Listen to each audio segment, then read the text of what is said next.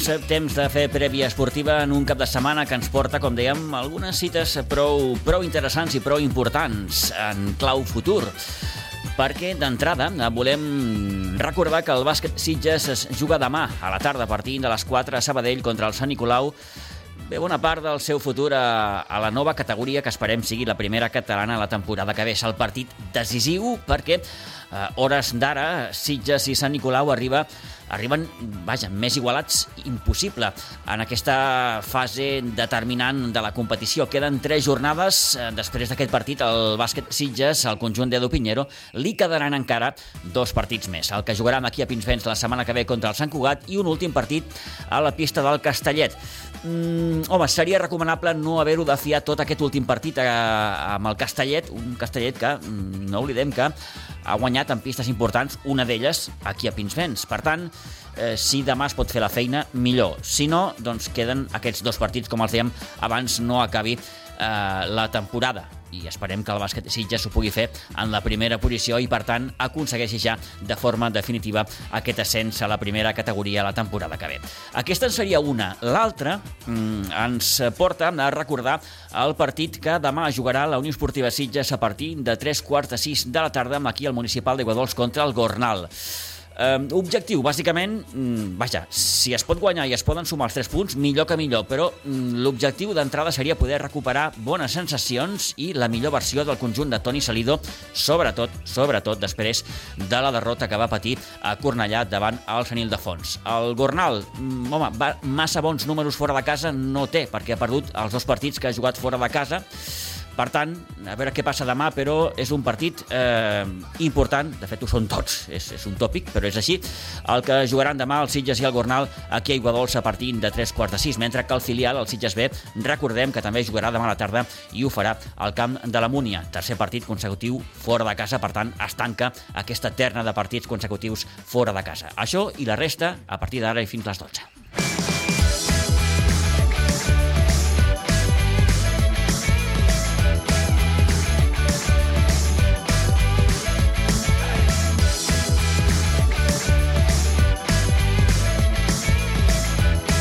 Vinga, doncs, com deia aquell, sin correr i sin parar, les 11 en punt del matí, eh, comencem parlant de futbol base perquè a la preferent de juvenils, la Blanca, després de la derrota a Reus, s'enfronta demà al Manresa en partit que jugarà amb el Nou Pinsbens a partir de les 5 de la tarda. No cal dir, no cal dir que els 3 punts tornen a ser importants, donat que la Blanca, en recordem, està només dos punts per sobre del descens. Últims partits ja de la temporada, amb el desig, òbviament, que el conjunt que entrena en Raül Aroca pugui aconseguir la permanència i, per tant, l'any que ve torni a jugar a la preferent, que és una categoria difícil, difícil de debò.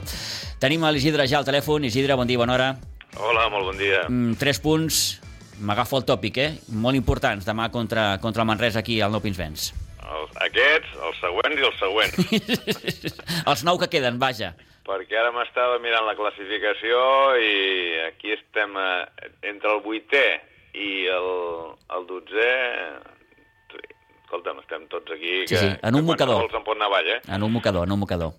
No, no, no, no podem refiar-nos gens. Uh -huh. eh, bé, després de la derrota que va patir l'equip a, a Reus, mm, important, com, com dèiem també quan parlàvem dels Sitges, que, que l'equip pugui recuperar doncs, bones sensacions perquè ara que arriba el tram més important de la temporada doncs, les coses surtin bé i es puguin sumar els punts suficients per eh, bé, aconseguir el gran objectiu, que no és un altre, òbviament, que el de poder seguir un any més a la, a la preferent. Per tant, demà... Jo estic seguint el Manresa aquest, sí? que va com un tiro, fa moltes setmanes que va sumant, sumant, sumant, i mm. potser és dels que fa més por, eh? Bé, doncs... Eh Partit important, repetim, demà, a partir de les 5, aquí al Nou Pinsbens, Blanca Manresa, de la preferent de juvenils. La resta? Pues el juvenil B, després de la decepció de la setmana passada, jugarà dissabte a les 8 del vespre al camp del Vilanova i la Geltrú B. En categoria cadet, el cadet jugarà Igualada el dissabte a les 10.45 contra l'Igualada B el cadet B, brillant campió de la categoria, ho celebrarà demà dissabte a Pinsbens a les 7 i quart contra el Sobirats Unió Esportiva. Que és, no oblidem, el segon classificat. El segon, sí, Mm, Aquelles bueno, coses ja... de, de, del calendari o de, de la vida, digue-li com vulguis, doncs ha volgut que la Blanca, aquest cadet B d'en Joan Cintes, que ja és campió, doncs s'enfronti a aquesta última jornada amb el segon classificat, que és el, el gran rival que ha tingut, vaja, en definitiva, aquesta temporada. Sí, sí, no, aquests equips dels Sobirats, eh, si vas mirant les categories, déu nhi la feina que fan aquest poblet tan petit i Sí, sí, sí, sí. Tenen, tenen, tenen bon material, sens dubte. Sí, sí. Bueno, continuem. En categoria infantil, l'infantil A no jugarà diumenge a Pinsbens a les 10 a les 11 del matí contra la Rapitenca A. A l'infantil A B, perdó, diumenge també a les 12 del migdia al camp del Sant Sadurnià. I acabem amb el C, que també serà diumenge a les 9.30 al camp del Sobirats Unió Esportiva. En categoria Aleví, l'Aleví jugarà dissabte a les 9 del matí al camp del Ribes A. L'Alevin B demà dissabte a la 1 al migdia a- Pinsbens contra el Marianol Pobret B. El C de demà dissabte a les 12 del migdia a Pinsbens contra el Prat C. El D diumenge a les 9 del matí al camp de l'Atlètic Cubelles A. I finalment a l'E demà dissabte a les 10.30 al- a casa a, contra les Cabanyes A. En categoria Benjamí, el Benjamí A jugarà demà dissabte a les 10.30 a Pinsbens contra l'Ateneu Igualadí. El Benjamí també demà dissabte a les 15 hores contra el Barça E, a la ciutat esportiva Joan Gamper. El C demà dissabte a les 11.45 a Pinsbens contra el Mar Bartra A, que també són els campions de Lliga. I finalment el Benjamí D demà diumenge a les 12.30... Ai, el, sí, diumenge a les 12.30 al camp de l'Espirall contra el Mar Bartra 2020 B i començarem com cada dissabte a les 9 del matí amb els més petits de la casa promeses i pitufos. Doncs tot això és el que tenim en matèria de futbol base pel que fa als equips de la Blanca al llarg d'aquest cap de setmana. Ens ha informat, també com sempre, l'Isidre Gómez. Isidre, moltíssimes gràcies, bon cap de setmana i ens retrobem dilluns. Moltes gràcies a vosaltres. Adéu-siau, bon cap de setmana.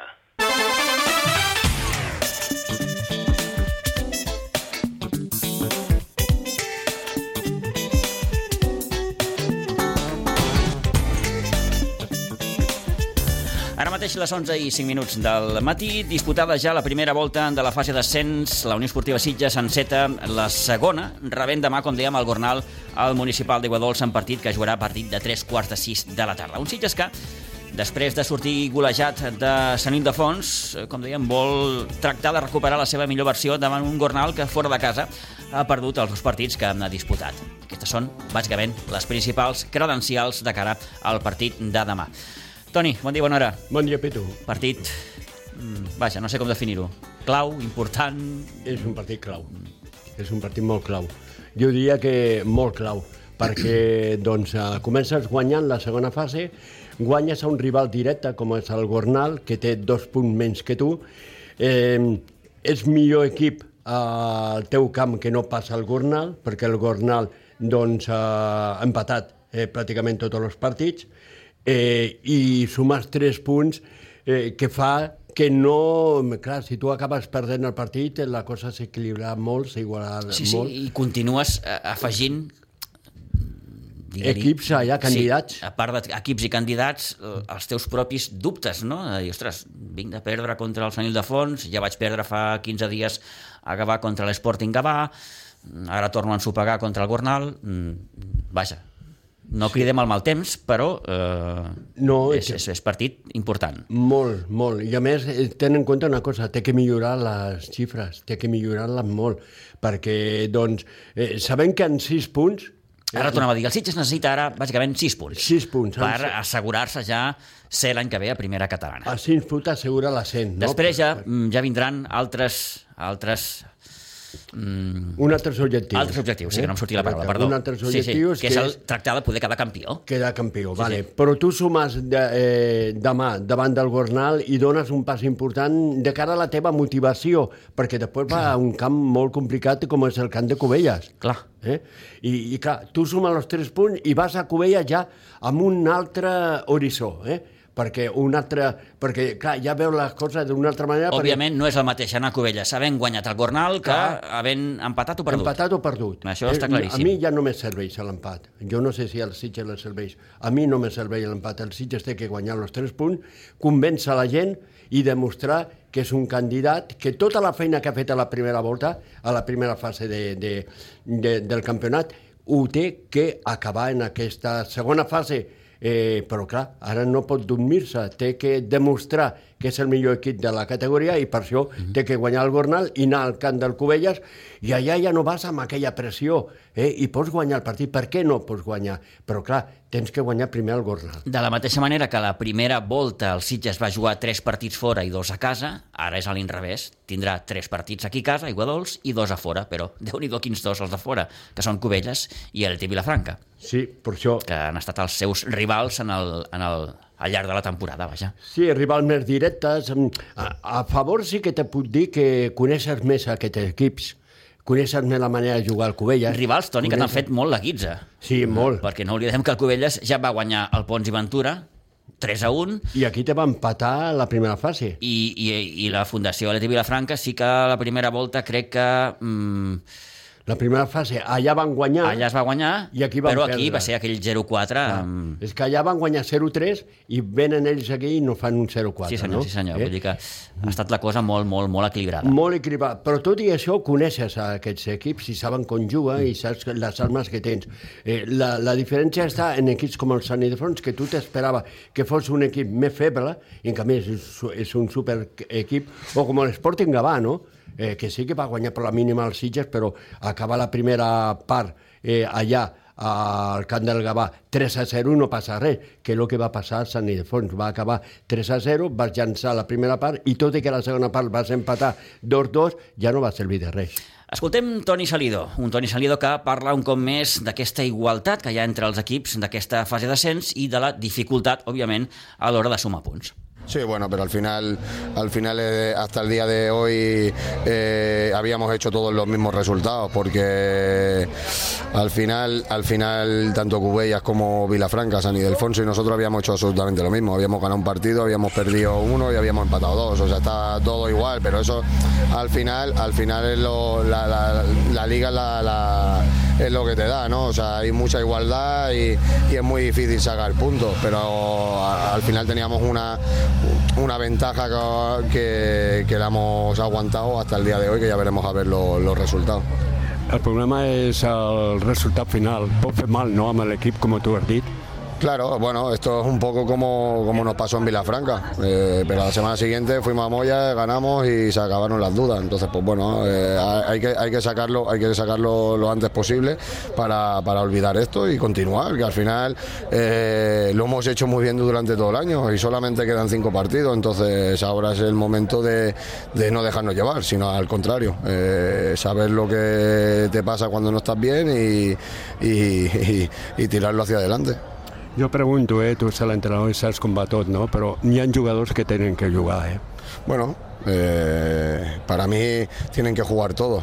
O sea, tienen que jugar todos porque se lo merecen todos, eh, vienen a entrenar todos, están eh, cualificados todos para jugar y, y durante todo el año he ido haciendo lo mismo y no lo voy a cambiar ahora porque sea el playoff. Ja per últim, eh, Toni, eh, ara no queda més que guanyar el Gornal, consigui començar la segona, va, eh, segona volta millor que s'ha acabat. Pues sí, eh, ahora tenemos tres partidos en casa de, de playoff eh, y tendremos que aprovecharlo. I també el bo és que ni guanyi el Gornal ni que eh, el Fundació Atleti Vilafranca Cubelles acabi el millor que, que acabés en empat, no?, pel Sitges. Bueno, al final, al final todos los, todos los equipos, todos los equipos se, se van a dejar puntos, entonces, porque son, al final son rivales directos, entonces por lo cual eh, esa es la dificultad que tiene el playoff, que si pierdes das un paso atrás y, y es complicado, ¿no? Entonces, bueno, hay que intentar sumar o por lo menos no perder.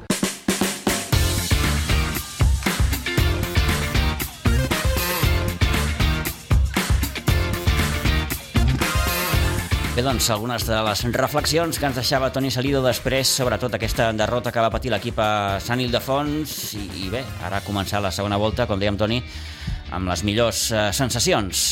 Sí, sí, sí, sí. I com diu el Toni Salido, que no es deixi endur, No, ni pels mals resultats ni, ni, ni, ni per res. no eh, ells tenen que demostrar que han sigut els millors i que continuen sent els millors i que si volen pujar eh, tenen que donar un passet més de lo que han donat fins ara, no?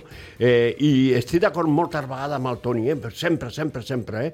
però no estic d'acord amb, amb el fet de sumar. No, no, tenim que sumar els tres punts. Mm. És a dir, no valdria un. No, per mi, eh, eh, jo que penso Així com, que... com, com el dia de la Fundació Leti Vilafranca eh, mm, recordàvem fins i tot eh, aquell episodi de, de, de, del Rovira dient als seus companys eh, nois, que tenim un punt, anem-lo a assegurar, no ens tornem bojos, que encara perdrem els tres. Sí, Així com aquell dia sí que et podia valdre aquell punt, Sí, però hagués sigut molt important guanyar els tres, Pitu. Sí. Eh? I, I donar més sensacions de, de millor equip que, que la Fundació Atlètic Vilafranca, perquè tu te quedes amb les sensacions. La gent que anem a mirar-lo, que anem a veure eh, doncs, el futbol, eh, i ara és molta gent, es dona, eh, se queda amb les sensacions que te dona l'equip. I Mm. el que transmet l'equip, Ah, correcte. eh? I si l'equip te, te transmet bones sensacions, tu vas tranquil. Ara, mm, en aquesta primera fase de la en aquesta primera volta, segona fase, no ha, no ha generat aquesta sensació, no, no ha donat aquesta sensació. Les, no les té que donar ara. I el primer rival a fer-lo és el Gornal. Guanyes el Gornal, guanyes bé, aunque sigui per un gol a zero, però guanyes jugant al futbol eh, i doncs eh, sumes tres punts i vas a Cubelles amb una altra sensació. sens dubte. Per cert, anècdota, si volen, el Gornal, recordem, té dos jugadors a la seva plantilla que eh, juguen la Kings League, Paul Lechuga i Cristian Ubon. no sé si això serà al·licient suficient per, Paul- perquè doncs, Perdó. algú s'animi a veure el partit. Pol Lechuga és el porter, no? Sí, sí, sí, sí Paul Lechuga és el porter i Cristian Ubon el van incorporar eh, fa poquet. És molt bon porter, eh? Sí, sí, sí, porter sí, és sí, sí, molt sí. bon porter. Recordem que el partit de la primera volta, tot just el que obria aquesta fase d'ascens, eh, Gornal i Sitges van empatar a 0 a l'Hospitalet. Sí, sí, sí, sí, sí. sí, Va sí. ser una bona manera de començar, en certa manera, perquè mm, bé, vas puntuar en un camp I un eh, camp que no, difícil. que no s'acaba mai, eh? Sí, sí. És, és, és impressionant aquell camp, tothom ho diu, eh, i jo penso que va ser un bon punt. Però, clar, no nos quedem amb aquest bon punt. Eh, tenia que haver seguit amb la mateixa sensació dels Sitges i no l'ha tingut, sobretot, a Can Contrari. Eh, demà a tres quarts de sis aquest Unió Esportiva Sitges-Gornal. Recordem que els eh, dos enfrontaments eh, restants són el Sant Ildefons Cubelles a un quart de sis. Déu-n'hi-do que partit, Toni, també. Sí, clar, clar, clar. És que tu tens que aprofitar aquesta jornada, perquè Sant Ildefons Cubelles, compta que si el Sant Ildefons està com l'altre dia, eh, doncs... si el Sant Ildefons eh, és, el és, és, Cubelles, és capaç de guanyar el Cubelles, compte, eh? I també Cubelles. tenim eh, la Fundació Atleti Vilafranca, que juga a casa contra l'Sporting Gavà a tres quarts de sis. Eh? També és un partit... Eh, Clar, és que ara eh, tot el que queda és... Perquè l'Sporting sí, sí. Gavà sap que guanya Cubelles i s'enganxa, eh? Eh? Perdó, que guanya a Vilafranca i s'enganxa l'Sporting Gavà. I estava... Semblaven dos desfasats, equips que eh, sí, estan estaven allà baix, sí, descol·locats, sí, sí, Sant Ildefons i Sporting Gavà... Sí, mm, sí. I mira, s'han enganxat. Eh? Sí, senyor. I l'Sporting Gavà, el seu objectiu és aquest, és quedar el més alt possible a veure si pot entrar com a millor quart. Un quart i un minut de dotze.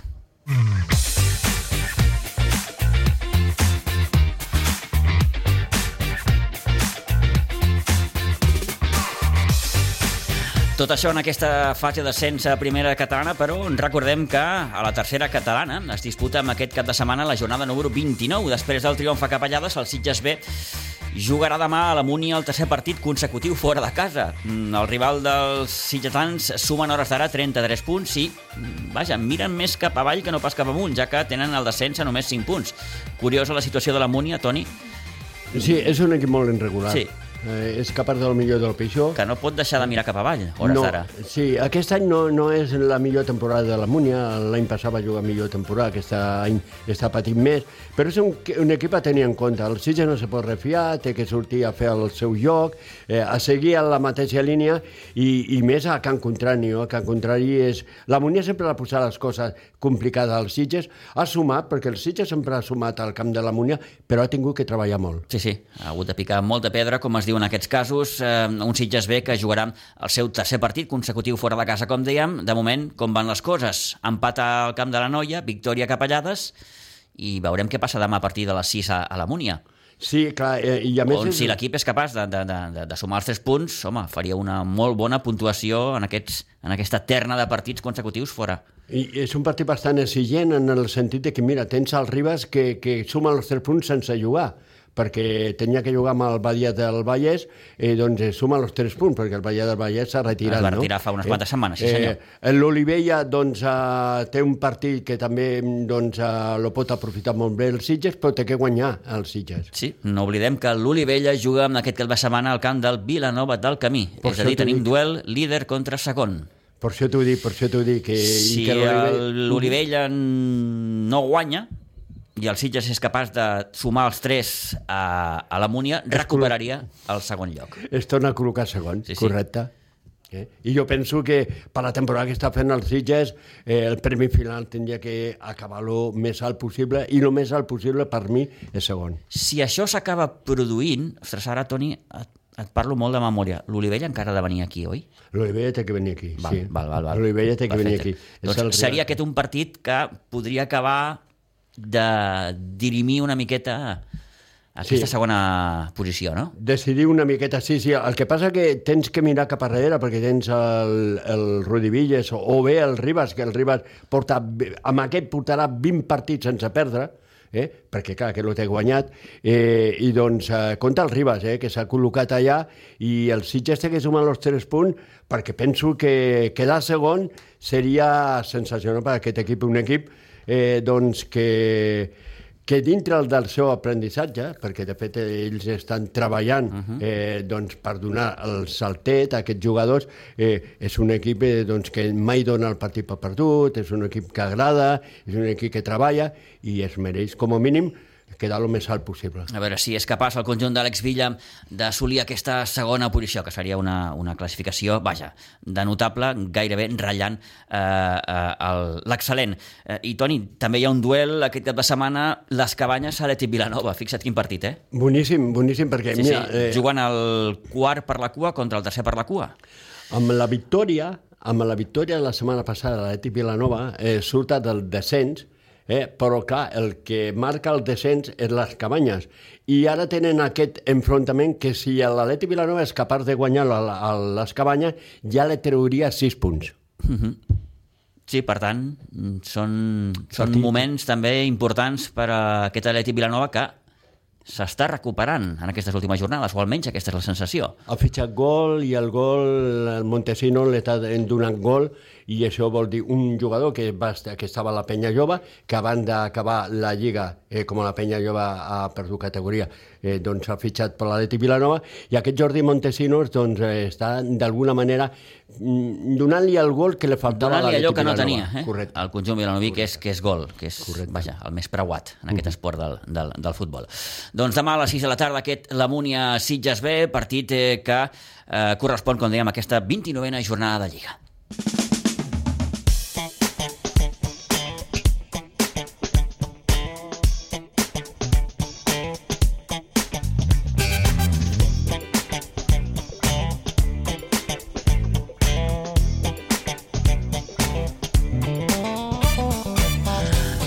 I 21 minuts del matí, parlem de bàsquet perquè en el bàsquet Sitges afronta demà el partit que pot ser clau per aconseguir l'ascens de categoria. Els sitgetans jugaran a Sabadell a la pista d'un Sant Nicolau que té hores d'ara les mateixes victòries i derrotes. 16 victòries, 3 derrotes. Dues dades a tenir en compte. La primera, dels 9 partits que ha jugat a la seva pista, el balanç és, mm, vaja, altament favorable perquè ha sumat 8 victòries i només una derrota, la que va patir contra el Castellet, que curiosament també va ser capaç de guanyar aquí a Pinsbens. Compte amb aquest Castellet, que està, està allà també traient el, el caparró. I la segona dada que els volem comentar. En el partit jugat a Pinsbens, el bàsquet Sitges es va imposar 88 a 69, per tant, un més 19. Sí que és cert que el, el, el Sant Nicolau va venir amb algunes baixes eh, destacables, però al final aquella victòria en el seu dia mm, va ser prou, prou, prou important. Amb l'entrenador del bàsquet Sitges, Amedo Pinheiro, parlem bàsicament de la importància del partit de demà contra un Sant Nicolau que, de ben segur, sortirà per totes. todo lo que queda ahora es, es, es decisivo. O sea, no sabemos en realidad lo, luego si perdemos o ganamos. Bueno, o sea, si ganamos está claro que, que solo ganando el día del San Cuá pues ya quedaríamos primeros y, y jugaríamos la fase final del Campeonato de Cataluña. perdiendo el otro día, pues bueno, dependemos de también de pues ahí de Castellet y, y de Esparraguera, pues si pierden un partido más. Mm. Va a ser difícil. O sea, dependemos de nosotros. O sea, me da igual, yo lo que quiero cuanto antes es solucionarlo, yo no quiero llegar al último partido a jugármela. Yo lo que quiero es el día, este sábado, solucionar las cosas, tenerlas bastante más de cara que, que no que no pensar en el partido. Yo creo que los jugadores están eh, mentalizados de que es un partido que no lo jugamos todo. Mm. ¿Qué San Nicolau esperas? Bueno, eh, eh, está claro que no cuando vinieron aquí a jugar en el partido de ida no vinieron los tres jugadores que están con el primer con el, equipo de primera catalana. Mm. Bueno, seguro que vendrán todos, estarán todos, porque luego juega el equipo de primera catalana que también se está intentando subir a, a Copa. Entonces, pues bueno, Eh, sabemos que ellos se basan todo en su ataque, en defensa pues a lo mejor les costará más, entonces lo que tenemos que hacer nosotros es defenderles. Y, y yo creo que va a ser el mismo equipo, la misma mentalidad que, hicieron aquí. Ellos eh, se basan todo su juego en ataque, en triples y todas estas cosas, lo que pasa que no estuvieron los tres jugadores importantes, pero bueno, eh, hay que defenderles. Lo que hemos estado haciendo los últimos partidos después del partido de Manresa. Ya, eh, mirando un poco sus números, en, en su pista sobre todo, nueve partidos, ocho victorias, un equipo fiable, por tanto. Sí, claro, sí, sí, no, no, o sea, eh, pasa que bueno, nosotros solo, eh, los partidos de fuera nosotros solo hemos perdido uno contra Manresa, mm. o sea que bueno, también somos fiables fuera nosotros. También, también. O sea que, entonces pues bueno, va a ser un partido, bueno, bonito, emocionante y, y bueno, no sabemos, eh, ya te digo, o sea, planteado está más que planteado las cosas y, y vamos a ver qué tal. ¿Por dónde pasa un poco Mm, vuestra victoria?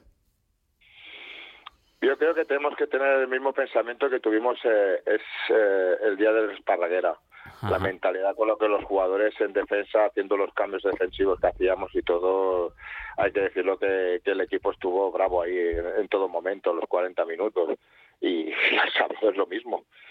O sea, el sábado sabemos que, que tenemos enfrente un gran equipo y que nos va a poner las cosas difíciles, además en su casa, que seguro que habrá gente, pero bueno, eso no tiene nada que ver. O sea, lo importante es que nosotros eh, en todo momento eh, nunca bajar los brazos, aunque vayan mal las cosas, y siempre levantar la cabeza y estar a tope.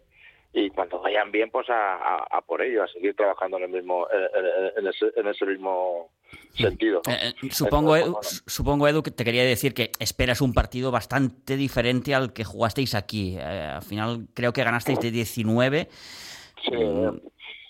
Bueno, o sea, yo creo que ellos lo que lo que nos hicieron aquí, ellos nos dejaban un poco el tiro a media distancia o tiro de tres puntos, ¿no? también no estuvimos muy acertados, metimos 17 triples ese día, ¿no? O sea, no creo que a lo mejor, me ojalá, eso quiere decir que es una señal, ¿no? Pero bueno, ya te digo, no sé, eh, ellos nos dejaron bastantes situaciones de tiro exterior. Bueno, yo creo que en esos momentos tanto Uriol, Camproví, eh, Iván y, Pau Cabezas estuvieron en, un buen eh, en un buen acierto, ¿no? Entonces, bueno, a lo mejor nos dejan tirar, no lo sé. O sea, es que yo sé cómo eh, eh, quiero plantear contra ellos con mi defensa, mi ataque y, lo mismo, pues seguro no sé lo que van a hacer ellos. No, a lo mejor nos pueden poner una caja y uno sobre Uriol, o sea, no lo sé, no lo sé, no lo sé. Eh, ¿Qué tal la semana, por cierto? ¿Se nota que es partido especial? Sí, sí, sí, no, no, no, hay que decirlo que después del partido de que casi hacemos el tonto contra contra contra el, el Navas. Sí. Yo no quiero arrepentirme del partido de, de Manresa, porque más o menos si hubiésemos ganado Manresa, solo ganando uno de estos tres partidos ya estaba ya estaba el ascenso conseguido. ¿entiendes? Sí. Y, eso es lo que me fastidia. Pero bueno, mm, ha surgido así la situación. Igualmente que cuando te se lesionan jugadores tenemos que saber lo que, cómo intentar cambiar las cosas y o se van por alguna alguna cosa. Pues bueno, en ese sentido, pues eh, yo creo que el equipo los, los siguientes partidos y ha hecho buena, buena, buenos partidos y, bueno, entonces pues dentro de lo que cabe pues estamos eso, motivados para que saben, ellos saben que se la juegan este sábado, ellos lo saben, lo saben bastante bien. Por cierto, el, el día de Navas, uh, ¿cuántos pensamos en ti? Yo me callo. yo estaba, estaba afuera, Sí, sí. estaba sufriendo y, y no veas, ¿no? O sea, bueno, no no voy a comentarlo. Yo, sea, ahora me, me quedo, ya pasado, pasado está, ahora es el presente.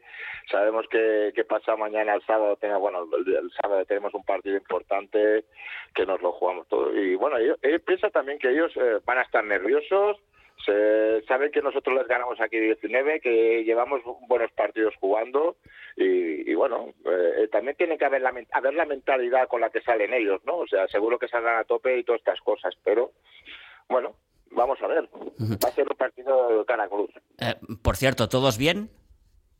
Sí, por ahora sí. No, no, no hay ninguna lesión. Tocamos más madera que hoy y mañana, porque hay que decirlo, yo tengo miedo de que ahora en estos momentos de, eh, de la temporada en la que nos estamos jugando todo haya una lesión. Ya hemos estado sufriendo durante todo este año, pues, estar con siete, ocho jugadores, que no se excusa, que es igual, pero bueno, nos han ayudado tanto Pau Alcázar, Mar Rubí, Leo Cabezas y, y, y Chimeno, y. Leo Chimeno, nos han ayudado ante los entrenamientos y algún partido, y yo espero que, que en estas semanas, pues, todos tocamos de madera, vuelvo a repetir, que no se lesione nadie, no tenga ningún percance nadie, y eso es lo importante, que ahora, pues, sería también para el jugador, pues que bueno, pues llegar a estos momentos que importantes porque pues tener una lesión, ¿no? Que ya toca, ¿no? Porque Edu, vaya temporadita, ¿eh? Bueno, es la que ha tocado, o sea, Mm.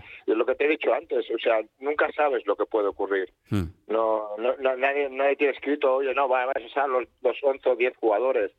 Eh, ya sabemos como que Marsal, pues no hasta marzo no podía estar, por la lesión de, de Adrià y de Mauro, que están cuatro meses sin jugar casi. Eh, Nacho se nos va el quinto partido, un tío importante para nosotros, pues bueno, intentar mover las cosas como ha sido, pero bueno, yo creo que el equipo ha respondido perfectamente, o sea, eh, estamos ahí tanto Jordi Mateo como yo, pues pico y pala cada semana, pues intentando pues eh, las líneas de trabajo que llevamos desde el principio de temporada meterlas y, y bueno, estamos ahí, estamos a un punto de ser los mejor, los los los mejores el mejor equipo defensivo, ¿no? A- con el Castellet. Ujú. Pero ya te digo que en el ataque no es el que me preocupa porque yo sé que en ataque pues eh, se tienen soluciones. Entonces, pues bueno, pues yo creo que, que en defensa es el trabajo en estas categorías de, de- que hay en, eh, hasta Copa hay que defender y es y es así, o sea, y en ataque pues bueno, dentro de lo que cabe pues eh, estamos ahí entre el tercer, el cuarto mejor equipo anotador. Bueno, o sea, eso quiere decir que, que no estamos a malo, pero si defendemos pues atacaremos mejor. Eh, por cierto, eh, recuerdo el día que, que Nacho anunció que, que- que se iba, que dejaba el equipo esta temporada, claro. Parecía un poco que se acababa el mundo, pero bueno, el equipo se sobrepuso muy bien, todo hay que decirlo. Bueno, sí, bueno, ahora por ejemplo, eh, o sea, no se me ha olvidado, Jan Carrionza está lesionado durante un mes, se fastidió Sí, sí. eh, el, el otro día, ¿entiendes? Antes del partido de Navas. O sea, son circunstancias, o sea, nadie pensaba que se iba a marchar, se marcha. Eh, bueno, ya te digo, también la, la lesión de Adrián, hemos estado jugando con, bueno, el día de, de, si no recuerdo mal, el día que se fue él contra el Vilafranca fuimos seis, seis jugadores seniors. Sí, sí, sí, O sí. sea, y, y luego hemos estado siete u ocho, ¿entiendes? O sea, bueno, y aún así pues estamos ahí.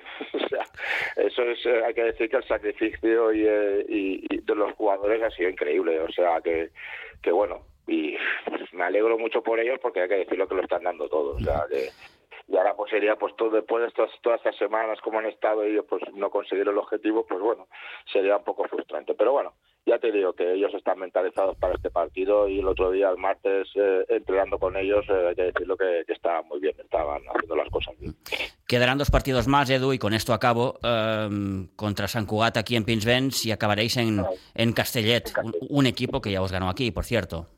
Sí, exacto. Sí, sí, bueno. Ellos ahora Castellet, eh, que es uno de los que nos lo podemos jugar allá, si perdiésemos el partido este de, de Sabadell, pero bueno, ya te digo, no quiero pensar, quiero solucionar el tema este fin de semana y, y, y verlo y verlo de diferente forma. Mm. Yo hablaría más más adelante si, si pasase luego el, el fin de semana, pero hasta que no llegue el fin de semana es, es- son cábalas allá, bueno, sí, para esto y tal, y es que yo no pienso en eso, yo pienso en, en que vamos a salir el sábado a ganar y eso es lo que importa, nada más. No, no pienso en otra cosa. Pues bien harás. Edu, gracias eh, por atendernos una vez más, que vaya muy bien y mucha suerte para el partido. A vosotros, gracias.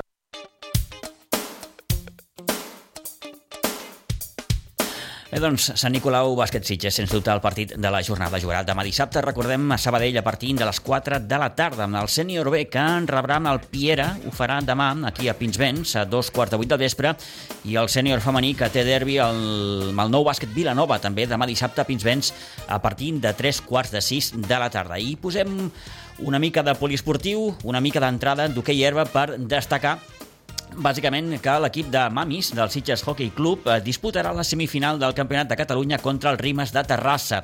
El partit es jugarà a les instal·lacions del Club Deportiu Terrassa aquest diumenge a partir de dos quarts de dues de la tarda. En futbol sala, en partit de la 23a jornada a la segona divisió catalana, el futbol sala Sitges s'enfronta demà amb el tercer classificat. Partit davant el futbol sala Castelldefels a Pinsbens a partir de les 8 del vespre.